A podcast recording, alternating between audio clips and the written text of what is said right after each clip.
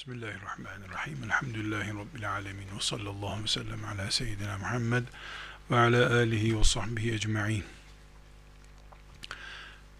Ebu Hanife rahmetullahi aleyhi alim isminin tam karşılığı olarak kıyamete kadar yaşayacak bütün müminlerin canlı örneklerinden birisi olarak ele alıyoruz dedik. Dönemini yaşadığı toprakları konuştuk. E, Şia ile bağlantısını ele aldık. Var mı diye, bu var sözleri ne kadar doğrudur diye. Diğer fırkalarla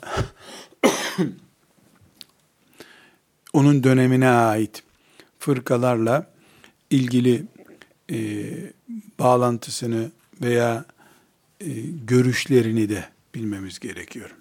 Ebu Hanife rahmetullahi aleyhin döneminde var olan en büyük fırka harici fırkasıdır. Haricilik çok e, maalesef e, kısaca bir izah etmek zorundayım zannediyorum. Haricilik e, Sıffin savaşından sonra Ali bin Ebi Talib radıyallahu anh ve Muaviye bin Ebi Sufyan radıyallahu anh'ın e, savaşmasından sonraki durumda tam böyle köylüce anlatayım. Ne bu yahu deyip herkese karşı kin kusan grubun adıdır. Yalnız şunu unutmayalım. Şimdi de adına radikal denen gruplar vardır. Bu radikal gruplar asıp kesip o kafir, bu zındık, bu siyonist filan diyorlar ama Sonra bakıyoruz ki e, birileri organize etmiş bunları meğer ki.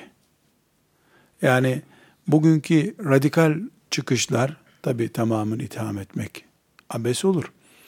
Radikal çıkışlar umumiyetle bir organizenin sonucudur.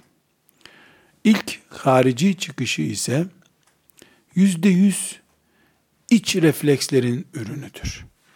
Mevcut o zamanki sıkıntıyı iki sahabinin bir yıl süren bir savaş içinde olmaları gibi yani Osman bin Affan radıyallahu anh'ın şehadetinden sonraki e, o altı yılı kaldıramamış olayların çıldırttığı bir gruptur haricilik. Dolayısıyla hariciler Ali bin Ebi Talip gibi Allah'ın arslanı bir adamın kanına bulaştılar. Pek çok Müslümanı öldürdüler. Ama kitle olarak hariciler dış güçlerin ürünü değildir. Bu çok önemli bir nokta. İslam'ın içinden İslam'ın yürüyen serüvenini kaldıramamış insanlardırlar. Bu kaldıramamayı da çok yanlış bir yöntemle e, ortaya koymuşlardır. Kaldıramadık, bize göre değil deyip çekilselerdi çok daha faturası hafif bir iş yapmış olacaklardı. Kaldıramadılar, kaldıramadıklarını da ezmeye çalıştılar. Ali'yi şehit etmeye çalışmaları, etmeleri, e, bir sürü sahabeyi öldürme kararı vermeleri kim olduklarını anlamak için yeterlidir. Ama buna rağmen hariciler kafir grup değildirler. E, ümmeti Muhammed'in içinde yani ibadetleri, İslami anlayışları vesaire e, pek çok fırkadan daha iyidir. Ama Ali'nin kanına bulaşmış birisinin durumu iyi değil kıyamet günü. Ne niyetli olursa olsun. Yani girdikleri bataklık bocalanarak çıkılabilecek bir bataklık değildir. Fakat harici demek kafir demek değildir. Çünkü hariç kelimesini biz haraca yahrucu fiilinden alıyoruz. Ali'nin üstüne çıkmış adamlar demek. Yani olaya yukarı çıkış yapan adamlar demek. Dışarıda kalmış e, haricilik yani ümmetin dışında gavur kadro demek değil. Bir ümmete ait fırkadır. E, en küçük kararları ölüm. Öldürme. Ya esnedin öldür. Uyudun öldür. Bayıldın öldür. Öldün zaten öldün. gibi böyle asıp kesen, şimdiki gençlerin böyle e, vakıf dernek odalarında oturup Mısır'ı dağıtmak lazım. Şunu asmak, bunu kesme. Ona oy verilmez, buna para verilmez, buna yemek verilmez diye konuştukların aslı bunlar. Ama şimdi edebiyat olsun diye ve oturdukları yerden keyiflerini bozmadan konuşuyorlar. Bunlar işin e, esasına inmiş kadrolar. Haricilik ilk Ali radıyallahu anha e, sui edep denecek bir şekilde muhalefet ederek ortaya çıkmalarıyla bitmediler. Ekol oldular. Daha sonra bu ekol özü şu noktada toplandı. Yani çıkarken böyle çıktılar ama daha sonra Ebu Hanife'nin dönemine gelindiğinde üzerinden 50 yıl geçmişti. Bitmişti bu olay görünüyor. Ama ekolleşmişler. Ekol şuydu. bu ekolün özeti şudur. Büyük günah işleyen dinden çıkar. Bu büyük günah işleyen dinden çıkar sözü. Mesela cihadı terk ettin, kafirsin. E, kumar oynadın, kafirsin. Vesaire. Yani allah Teala'nın haram dediği şeyleri yapanı dinden çıkardır. Bu da ne oldu? E, 100 Müslüman varsa 98 tanesi dinden çıkmış oldu.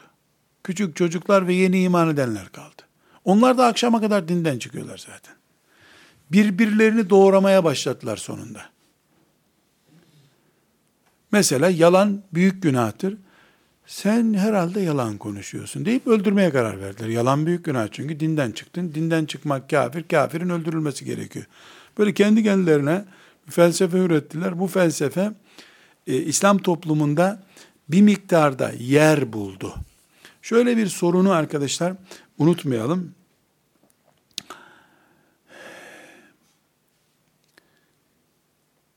İslam içinde veya dışında şeytanın ihdas ettiği fırkalar, fitneler bizim zannettiğimiz gibi Ali radıyallahu anh'ın şehadetiyle başlamış, Osman'ın şehadetiyle başlamış değildir. Şeytan bu tip projelerinde belki 5000 sene çalışıyor. Belki Adem aleyhisselamdan beri akşam oturup planladığı şeylerden biri bu olaydı. Haricilik olayıydı. Dolayısıyla hiçbir olay, hiçbir fitne çıktı ve bitti olmaz. Çıkar, şeytan bitmeden hiçbir fitne bitmez. Şeytan bazı uygulamalarını geri çeker. Büyük refleks olur, tepkiyi azaltmak için geri çeker.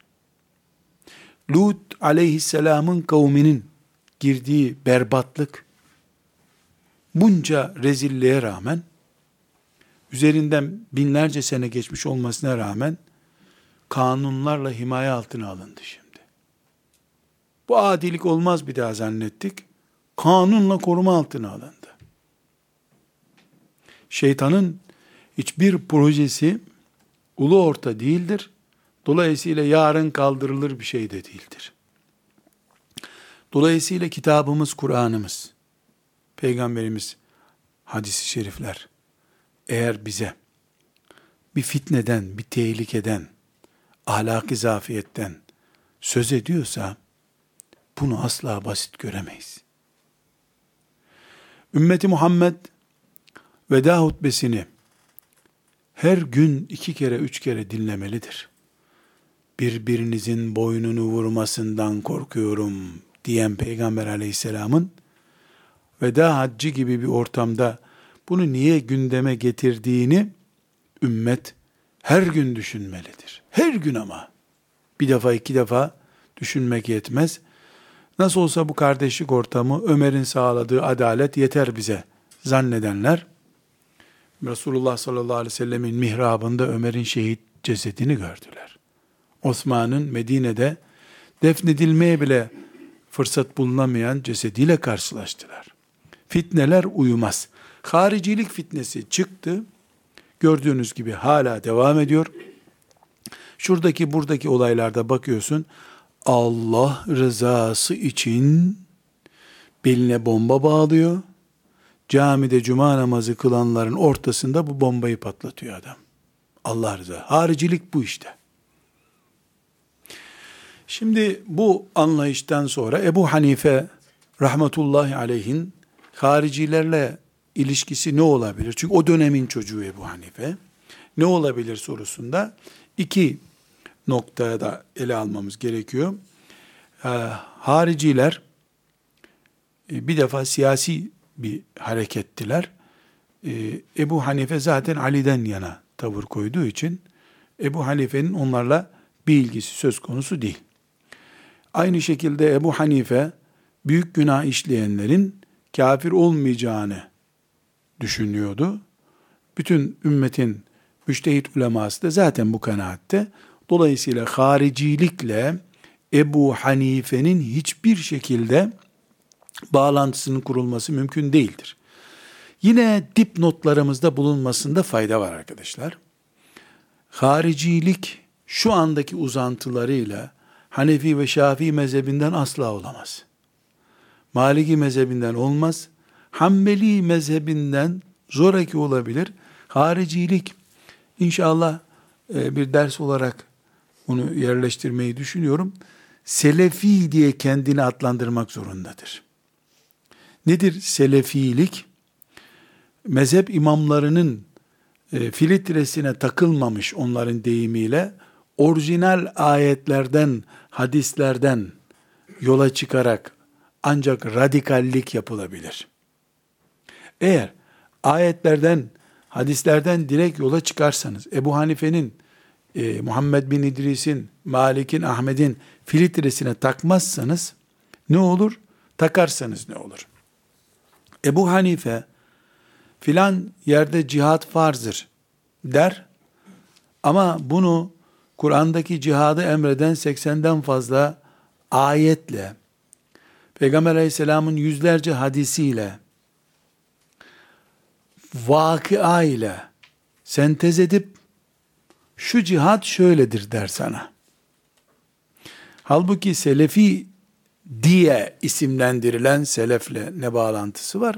Bu zor izah edilir. Selefi anlayışta kafirleri öldürün. Vaktuluhum haythu vecettumuhum. Yakaladığınız yerde öldürün. Bu ayeti alır. Nerede yakalarsa kafir öldürür ve bunu Allah rızası için yapar. Bir Müslüman cuma namazı kılarken öldürülür mü Allah rızası için? Önce onun kafir olduğuna hükmediyor zaten. Cuma'yı boşuna kılıyor bu diyor. Ebu Hanife bir insanın kafir olması için yüz noter belgesi ister adeta. Bu ise evden çıkarken eşine döndü dedi ki canım karıcığım seni özleyeceğim sen sensiz olmaz benim hayatım dedi. Bunu duydu bu. Vay Allahsız olmaz bir şeyi nasıl karısı için dedi bu. Allah'tan başkasını özledi kafirdir bu öldür. Evet böyle bir cümle var ama evet böyle bir vakada var. Allah'tan başkası Allah gibi özlenmez. Ama bunu bu adam Allah yok ben seni özlüyorum diye mi dedi? Yoksa karıcığım seni çok seviyorum diye mi dedi? Bu muhasebeyi yapmaz o. Bu muhasebeyi yapmak için Ebu Hanife'nin filtresinden geçmek, rahle-i tedrisine oturmak lazım. Binaenaleyh Ebu Hanife'nin talebelerinden kolay kolay ya da Hanefi mezhebini anlamış birinden radikal olmaz. Çünkü radikallik bir aşırılıktır. Müslümanın kanını dökmeyi bile, Müslümanın malını heder etmeyi bile mubah görecek bir basit anlayıştır. Binaenaleyh Ebu Hanife'nin mezhebinden mücahit olur. O mezhebe bağlı insanlar malını infak ederler ama heder etmezler kimsenin malını. Bu bir tür eğitilmiş, filtre edilmiş zihniyet demektir. Hanife, Ebu Hanife'nin mezhebi. İkinci olarak Ebu Hanife'nin döneminde mutezililik baş göstermeye başlamıştı. Ebu Hanife'nin e, en çok belki itham edilebileceği alanlardan biri mutezililik alanıdır. Mutezililik ne demektir? Mutezililik insanın aklını putlaştırılmış hale getirmek demektir. ayetin hadisin bulunduğu yerde bana göre bu böyledir diyen mutezili anlayışıdır. Mutezili mezhebi aklı hakim kabul ediyor. Kur'an'dan da, hadisten de bunlara iman ettikleri halde aklına ters düşeni siliyorlar. Bir tür bugünkü ilahiyat fakültesi diye birilerinin isimlendirdiği ki bütün ilahiyat fakültesi mensuplarını buna ilave etmek e, haksızlık olur. Hakkaniyeti de ama e, ilahiyat fakültesine kaydolduktan üç gün sonra henüz tahareti bile öğrenmediği halde bana göre Ayşe'nin şu sözü yanlışmış diye başlayan genç kız veya genç delikanlı bu değirmenin suyuna daldığı için böyle konuşuyor. Benim bildiğiniz gibi Marmara İlahiyat'tan ayrılma nedenim de elhamdülillah böyle bir şeydir. O zaman şimdi yaşlı başlı bir hocadır. Bizim fıkıh dersimize giren birisi e, bir mesele oldu. Ebu Hanife diye bir söz açıldı. Ya abartmayın çocuklar dedi. Ebu Hanife dediğin sizin gibi bir insan ya. Siz de düşünebilirsiniz onun kadar dedi. Ben o dersten kalktım elhamdülillah. Ebu Hanife'ye hakaret edilen bir yerde ben okumayacağım dedim. İndim. Öğrenci işlerine dilekçe verdim. Tip tip baktılar bana. Aklını mı yiyorsun dediler. Evet yedim aklımı dedim. Çıkış o çıkış elhamdülillah. Rabbim beni kurtuldu. Kurtardı bu işten. Elhamdülillah. Yani bu anlayış, ilahiyat fakültesi veya bu ilahiyat fakültesi akılcı anlayış, mutezile anlayışı. Mutezile anlayışı işte Ahmet bin Hanbel'in kırbaçlandığı anlayıştır. E, bilhassa Abbasi döneminin Emin ve Memun zamanında e, abartılmış, şişirilmiş bir mezheptir. Resmi devlet mezhebi haline getirilmiştir. E, Tabi çekirdekleri eskilerden geliyor. E, bunu aklı putlaştırma ve hadisi inkar etme. Özü budur mutezile mezhebi. Şimdi koltuğa gerilip kabirle ilgili hadisler ya onlar akla uymuyor.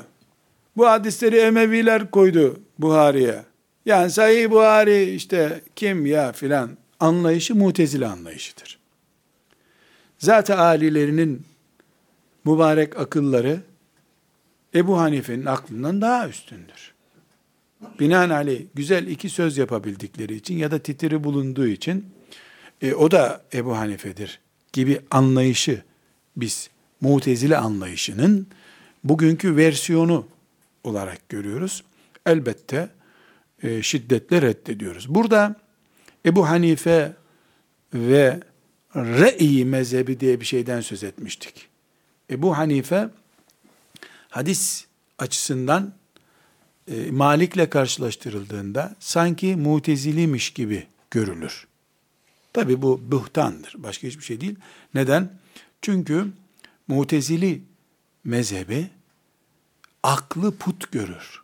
Ebu Hanife aklı Allah'ın en büyük nimeti olarak görür.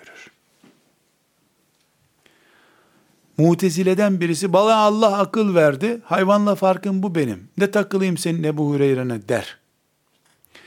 Ebu Hanife ise Allah bana akıl verdi. Bunu laboratuvar gibi kullanmam lazım der. Çok büyük farktır ikisi.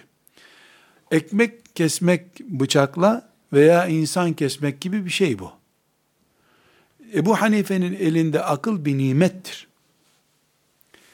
Mutezile'nin elinde ise puttur. Kur'an'a karşı bir silahtır. Hiçbir Allah dostu, zerre kadar aklı olan biri Ebu Hanife'yi mutezile diyemez. Muteziliği diyebilmek için bir şey anlamamak lazım bu dünyadan. Çünkü Ebu Hanife'de Allah, peygamber ve akıl var. Akıl bir trafo gibidir Ebu Hanife'de. Yani enerji kaynağı değildir. Enerji kaynağı Kur'an ve sünnettir. Hani şehirlerin merkezlerine ana santralden elektrik gelirken bir trafo kuruluyor. Çünkü milyonlarca kilowatt geliyor. Şehri onun 220 voltajla inmesi lazım. Trafo yapıyorsun. Trafo onu ona göre ayarlıyor. Ebu Hanife aklını bir trafo gibi kullanıyor. Enerji kaynağı olarak kullanmıyor. Mutezilelik ise bir numaraya aklını koyuyor. Aklını enerji kaynağı olarak kullanıyor. Onu filtre malzemesi yapıyor. Vahyi onun süzgecinden geçiriyor. Dolayısıyla vahiy veya sünnet, vahyin diğer şekli, onun aklına takıldığı zaman onu reddediyor. Ebu Hanife'nin daha sonra göreceğimiz hadis ravilerine karşı gösterdiği şiddeti i'tizal midir? Yani mutezililiğinden dolayı mıdır diye e, anlamadan yorumluyorlar. Ebu Hanife bu hadis benim aklıma uymuyor demiyor. Elimde Kur'an var. Bu hadisi şerifi bu Kur'an'la ölçüyorum, anlayamıyorum bunu diyor. Topluyor talebelerini. Bunu nasıl yorumlayacağız çocuklar diyor.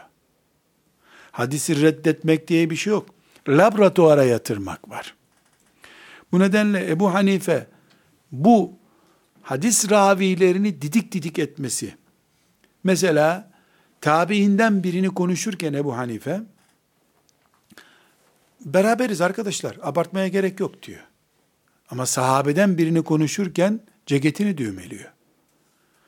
Ebu Hanife asla mu'tezililikle itham edilemez. Ama Ebu Hanife aklının kıymetini bilen biri. O akılla da sıradan bir koltuğa oturmaya razı değil. Aklı Allah'ın bir nimeti olarak görüyor. Bu nimeti değerlendirmezse mesul olacağını düşünüyor. Radıyallahu anh. O dönemde ortaya çıkmış ekollerden sonra mezhepleşmişlerden birisi de Cebriye mezhebidir. Biz buna Cehmiye diye de adlandırır. Cehmiye veya Cebriye. Cebriye ekolün adıdır. Ee, Cehmiye de e, bu ekolün başı olan fitnenin adıdır. Cehm İbni Safvan isimli bir adam bu e, Cebriye ekolünün e, başı ya da en çok fitnesini körükleyen adam. Bu ekol adeta insanı taşlaştıran ekoldür. Bu ekole göre her şeyi Allah yapıyor. Bizim iyi olmak, kötü olmak diye yapacağımız bir şey yok. Allah gavuru gavur yarattı, Müslümanı Müslüman yarattı. Ne namaz, ne oruç, ne gerek var. Zaten her şeyi belirlemiş Allah. Yani insanı robotlaştıran anlayıştır bu. Ebu Hanife'nin e, Cehm İbni Safvan denen, yani bu Cebriye veya Cehmiye ekolünün başı hakkındaki sözü çok açıktır. Cehm İbni Safvan kafirdir diyor. İnsan iradesini yok saydığı için. Ebu Hanife ise tam aksine insan iradesine çok üstün yer veren, sorumluluğunu artıran bir tiptir. Bu nedenle e, Cebriye e, tarihte meşhur bir ekol olduğu için şu anda da bir miktar yaygın ama ismi böyle değil. Kökten teslimiyetçi bir ekol. Biraz bazı yerlerde tasavvufun içine sızmaya çalışmıştır bu fitne olarak ama hala var. Ne yapalım Allah böyle yarattı. Şarapçının da nasibi buymuş demek ki. Kumarcının da nasibi buymuş. Bu cebriye ekolü veya cehmiye, adama izafe edersek cehmiye, e, ekole izafe edersek cebriye ekolü, Ebu Hanife'nin küfür gördüğü bir şeydir. Din dışı gördüğü bir ekoldür. Ebu Hanife'nin üzerinde tartışılan notları konuşuyoruz. Mürciye ekolü Ebu Hanife'ye rahmetullahi aleyh yamanmaya çalışılmıştır. Hala e, Arap ülkelerinde e, sadece bedava A4 kağıdı bulduğu için yazı yazan, kitap yazan tipler Ebu Hanife'yi mürciye olarak tanıtırlar. Mürciye şu demek. Kafir ibadet yapsa kıymeti yok. Çünkü kafir. Mümin de günah işlese kıymeti yok çünkü mümindir.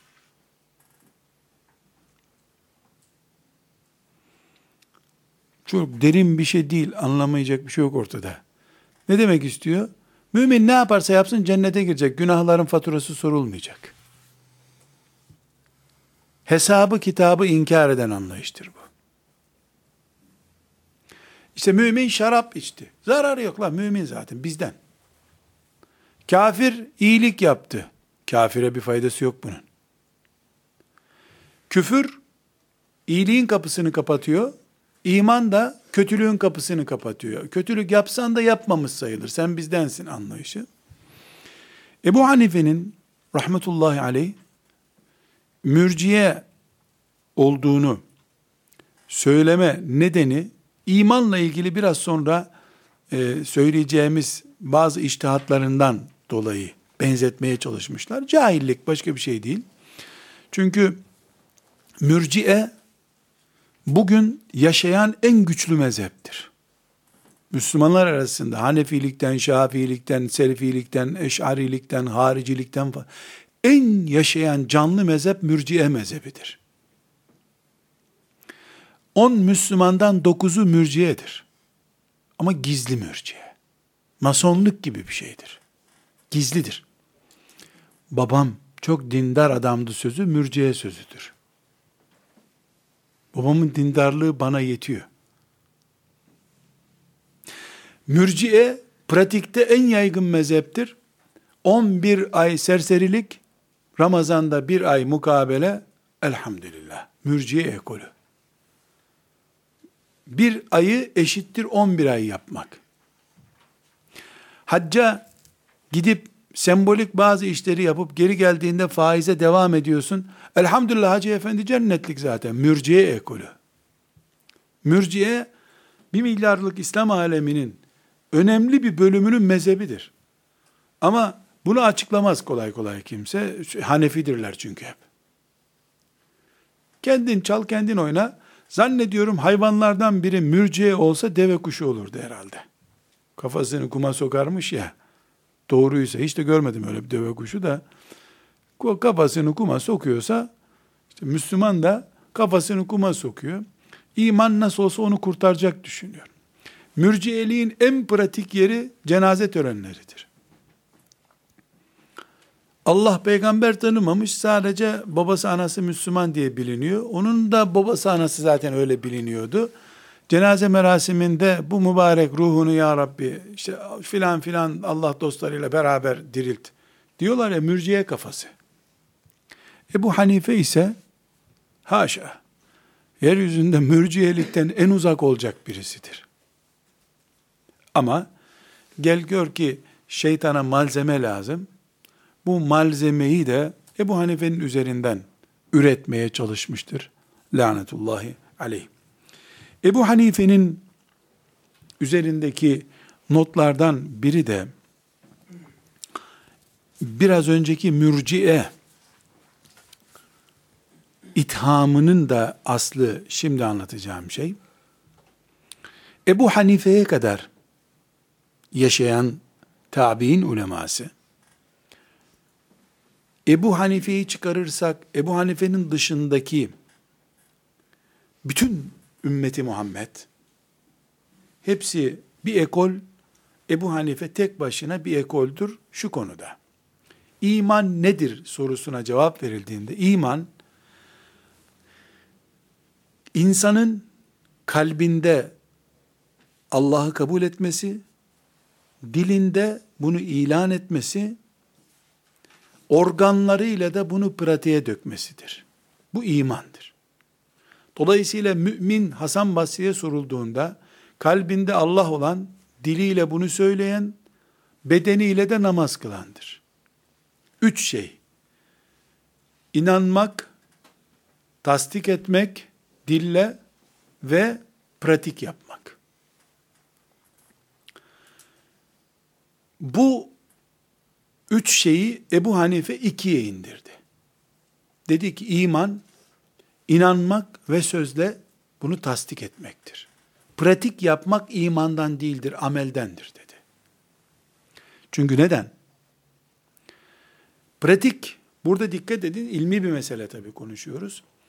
Ebu Hanife'nin dışındaki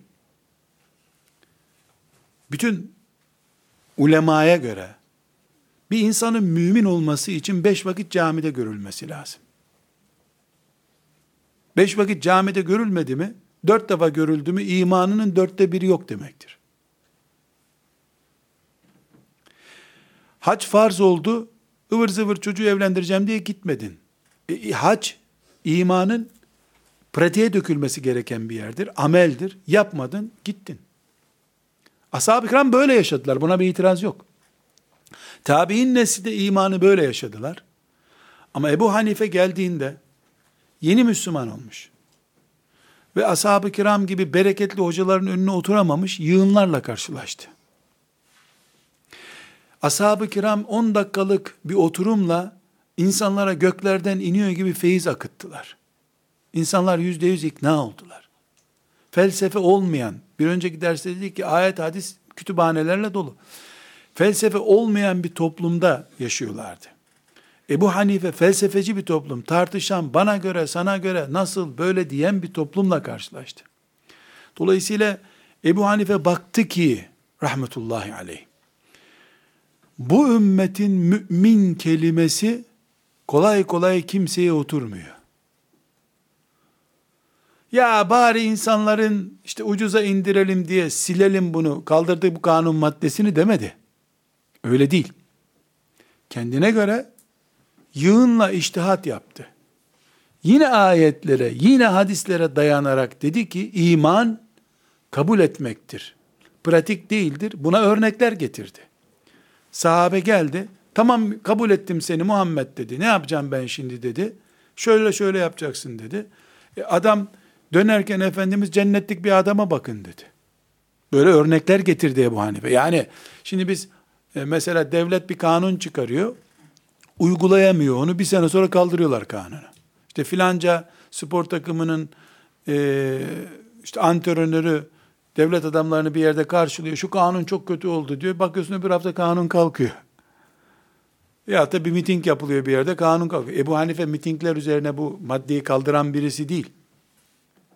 Vaka olarak ümmetin dara düştüğünü gördü. Alim de ümmetinin dara düşmemesi için uğraşan adamdır. Cehenneme sürükleyen adam değildir. Alim konuşuyoruz burada biz. Oturdu, beynini yordu, onlarca hadis ve ayet çıkardı. İman kalpte olacak, dille söylenecek, pratiğe dökülmezse günah ortaya çıkar. Ama dinden çıkmaz insan, dedi. Rahmetullahi aleyh.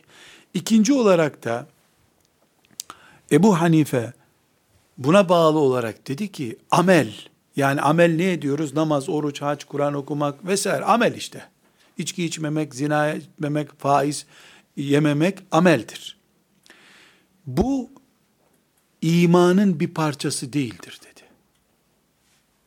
O zamana kadar Ebu Hanife'den önceki tabi'in uleması, ashab-ı kiram tamamı iman demek camide namaz kılmak demektir.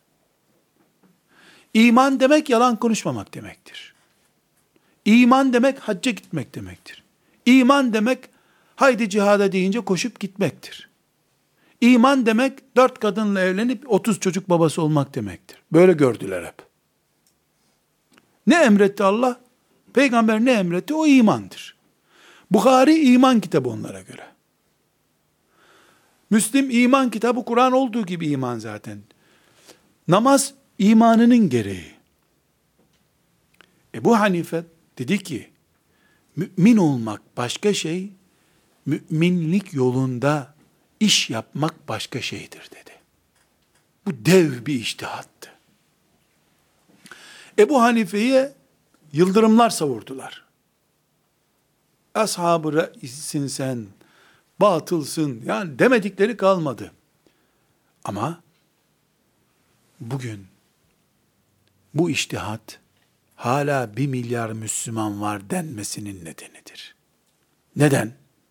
Çünkü öbür anlayışa göre iman yüz birimse eğer yüz nokta ise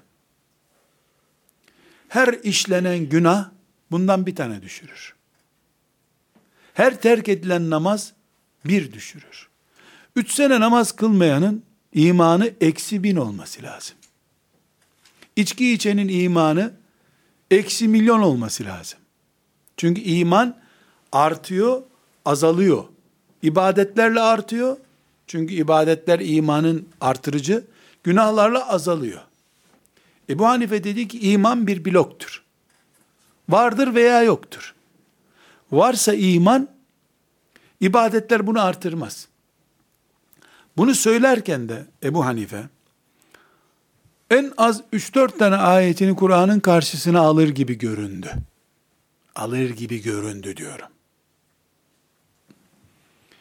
Çünkü Ebu Hanife'nin bu iştihadına göre, yani iman başka şey, ibadetler başka şey.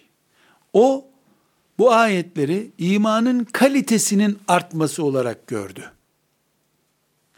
Halbuki ayet, zâdetum imanen diyor. İmanları artar diyor. Kur'an okuyanların. İmanlarının kalitesi artar dedi. Tıpkı bir insanın doğduğunda annesinde adı vardır bunun. Nedir? A çocuk doğdu. Bu var.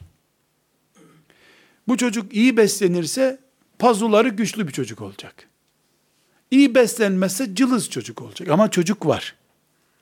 İman da böyledir diyor. İman ettim, la ilahe illallah Muhammed Resulullah dedin, dilinle tasdik ettin, bitti. Namaz kılmazsan cılızlaşır bu. Kılarsan güçlenir bu iman. Yalan söylersen darbe yeri imanın. Ama vardır hala. Yani parmağını kesen bir çocuk ölmüyor. Parmaksız çocuk oluyor. Ama çocuk var hala.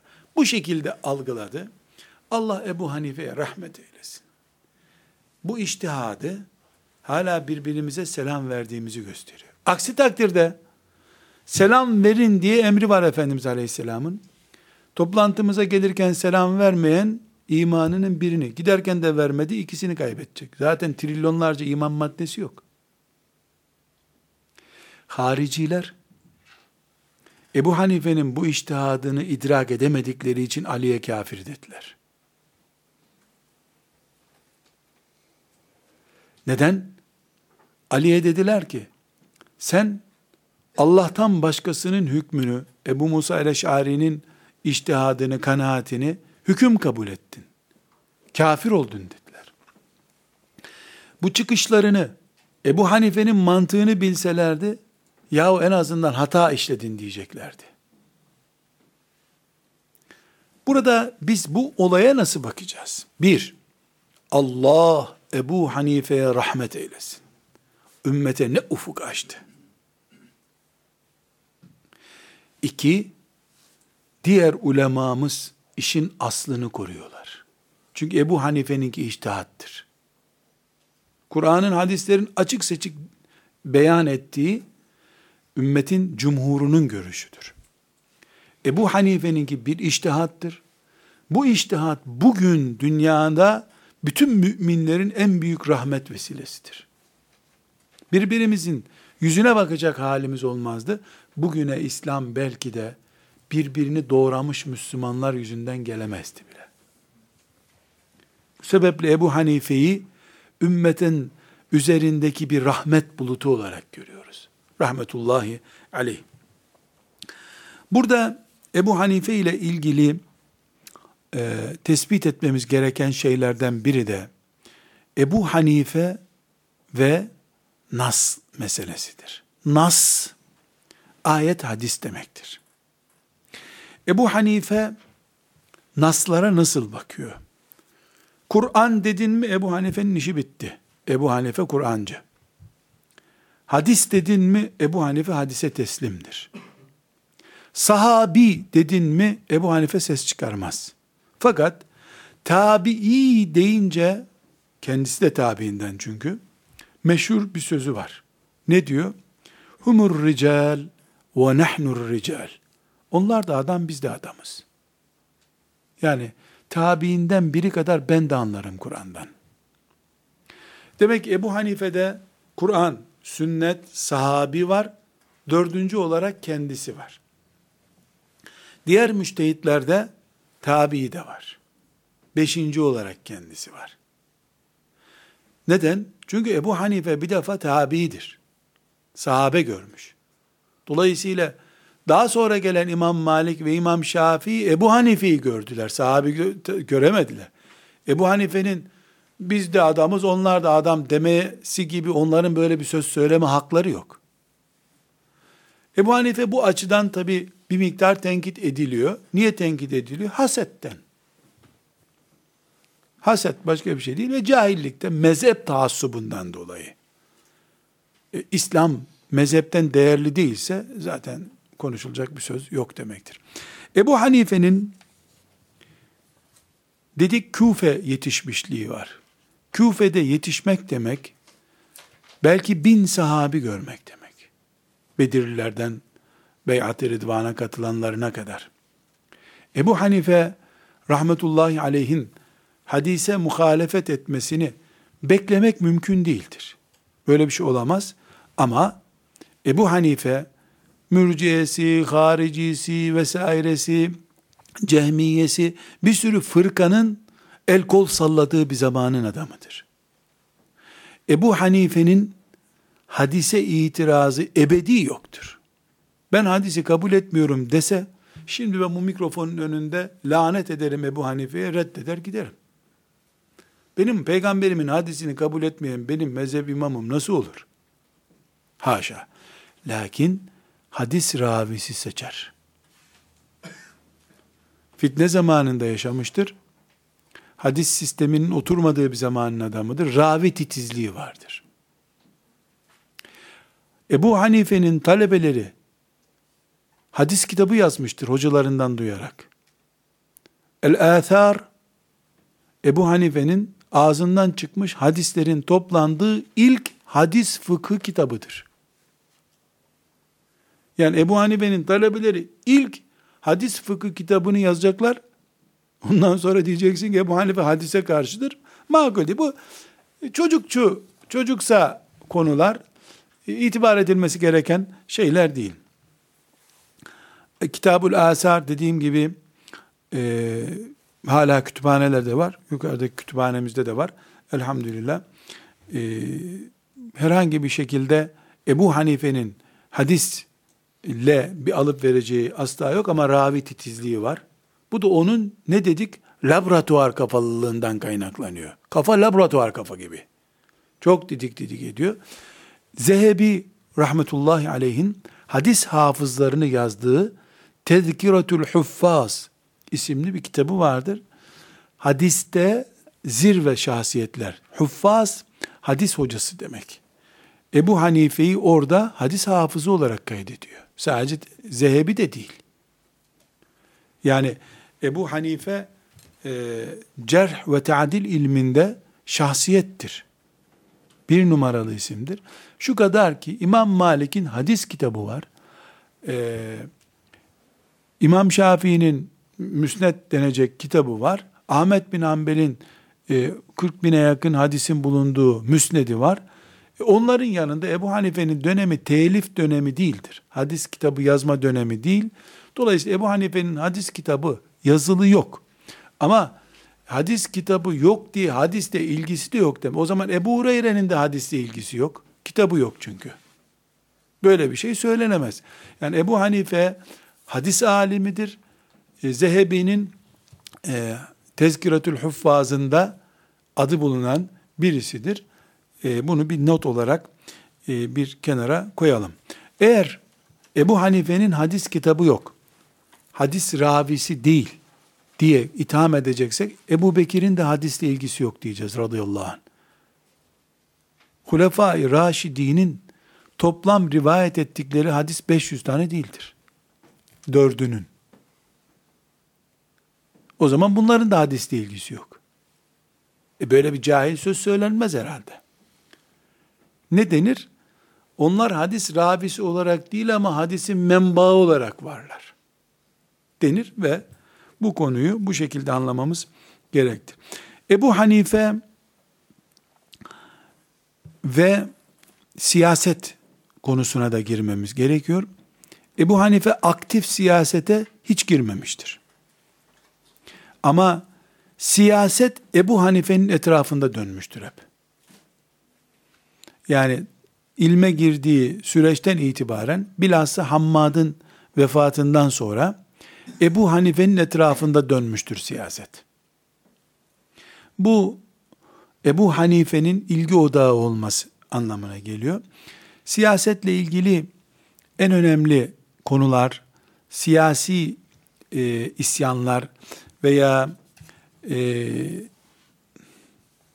siyasette konuşulan en çok konular yöneticilere isyan etme ve benzeri konularda Ebu Hanife'nin üzerinde özellikle e, mesela kapın kılıcı vurun şunların kafasını gibi bir harici mantığı yoktur.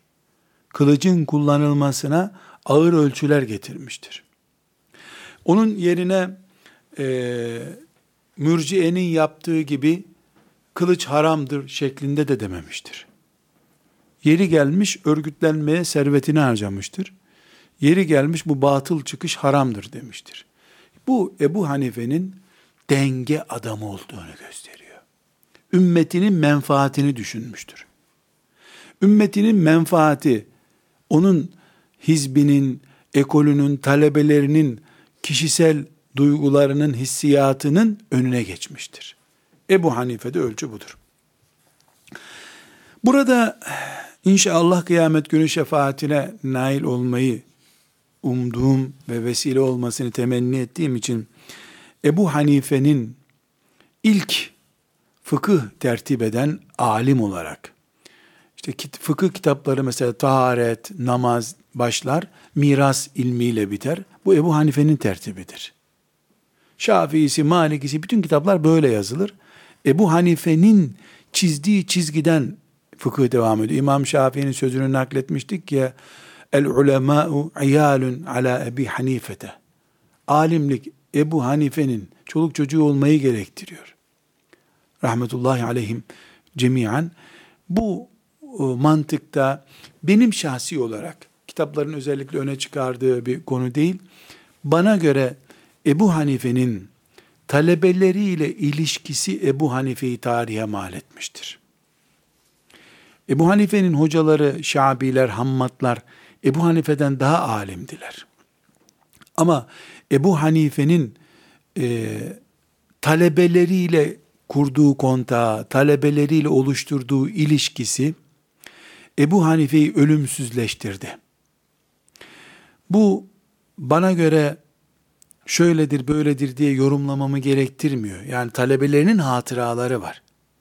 O hatıralardan vaktimiz kadar e, bir iki nakil yapmak istiyorum ama önce Efendimiz sallallahu aleyhi ve sellemin Ebu Davud'un 8. hadisi olarak rivayet ettiği bir hadisi var.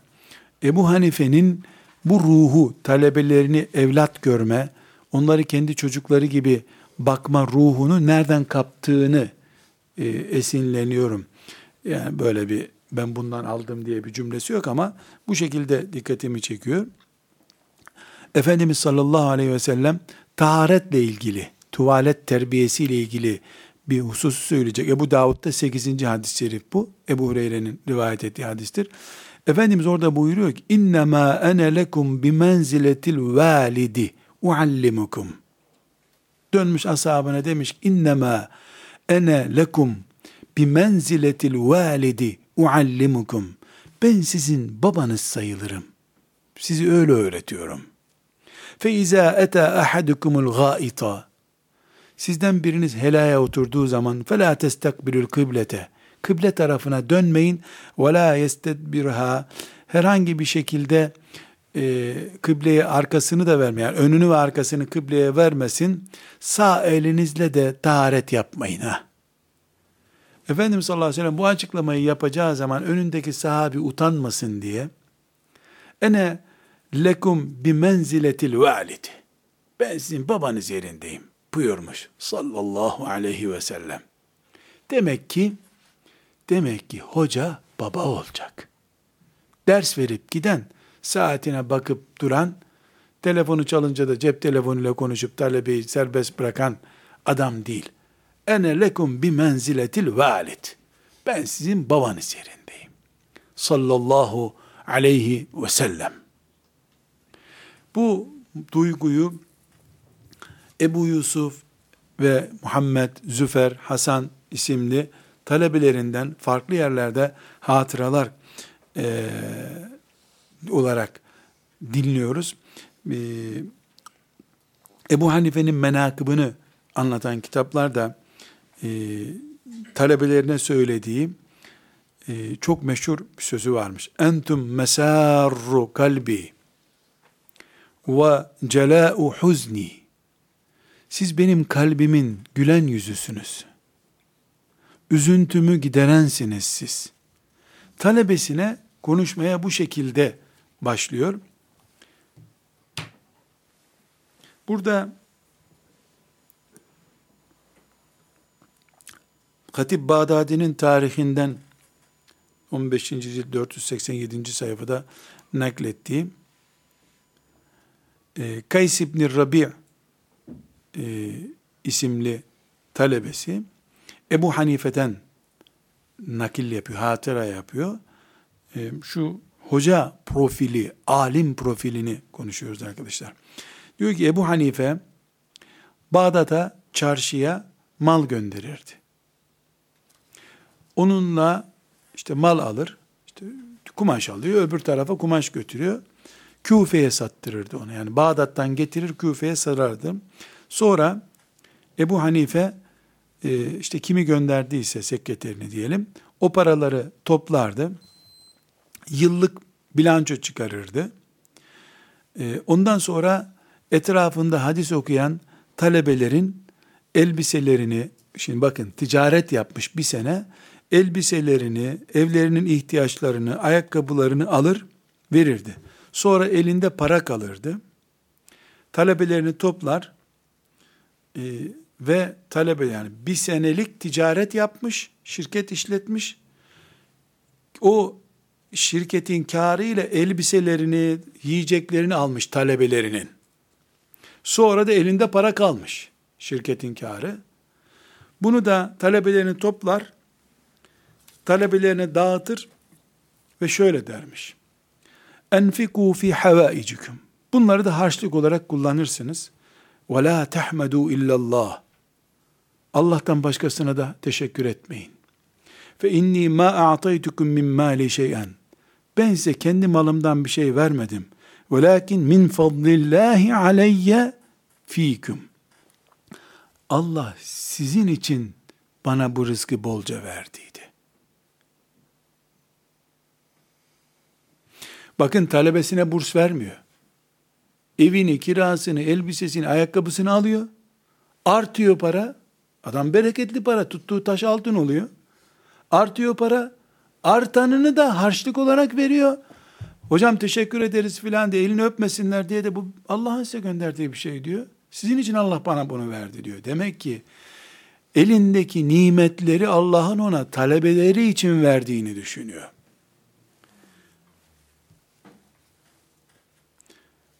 Bunun üzerine Ebu Yusuf'tan bir hatıra nakledeceğim. Muvaffık'ın e, Menakıb Ebu Hanife, Menakıb İmam diye e, Ebu Hanife diye bir kitabı var. Orada e, zikrettiği bir hatıra.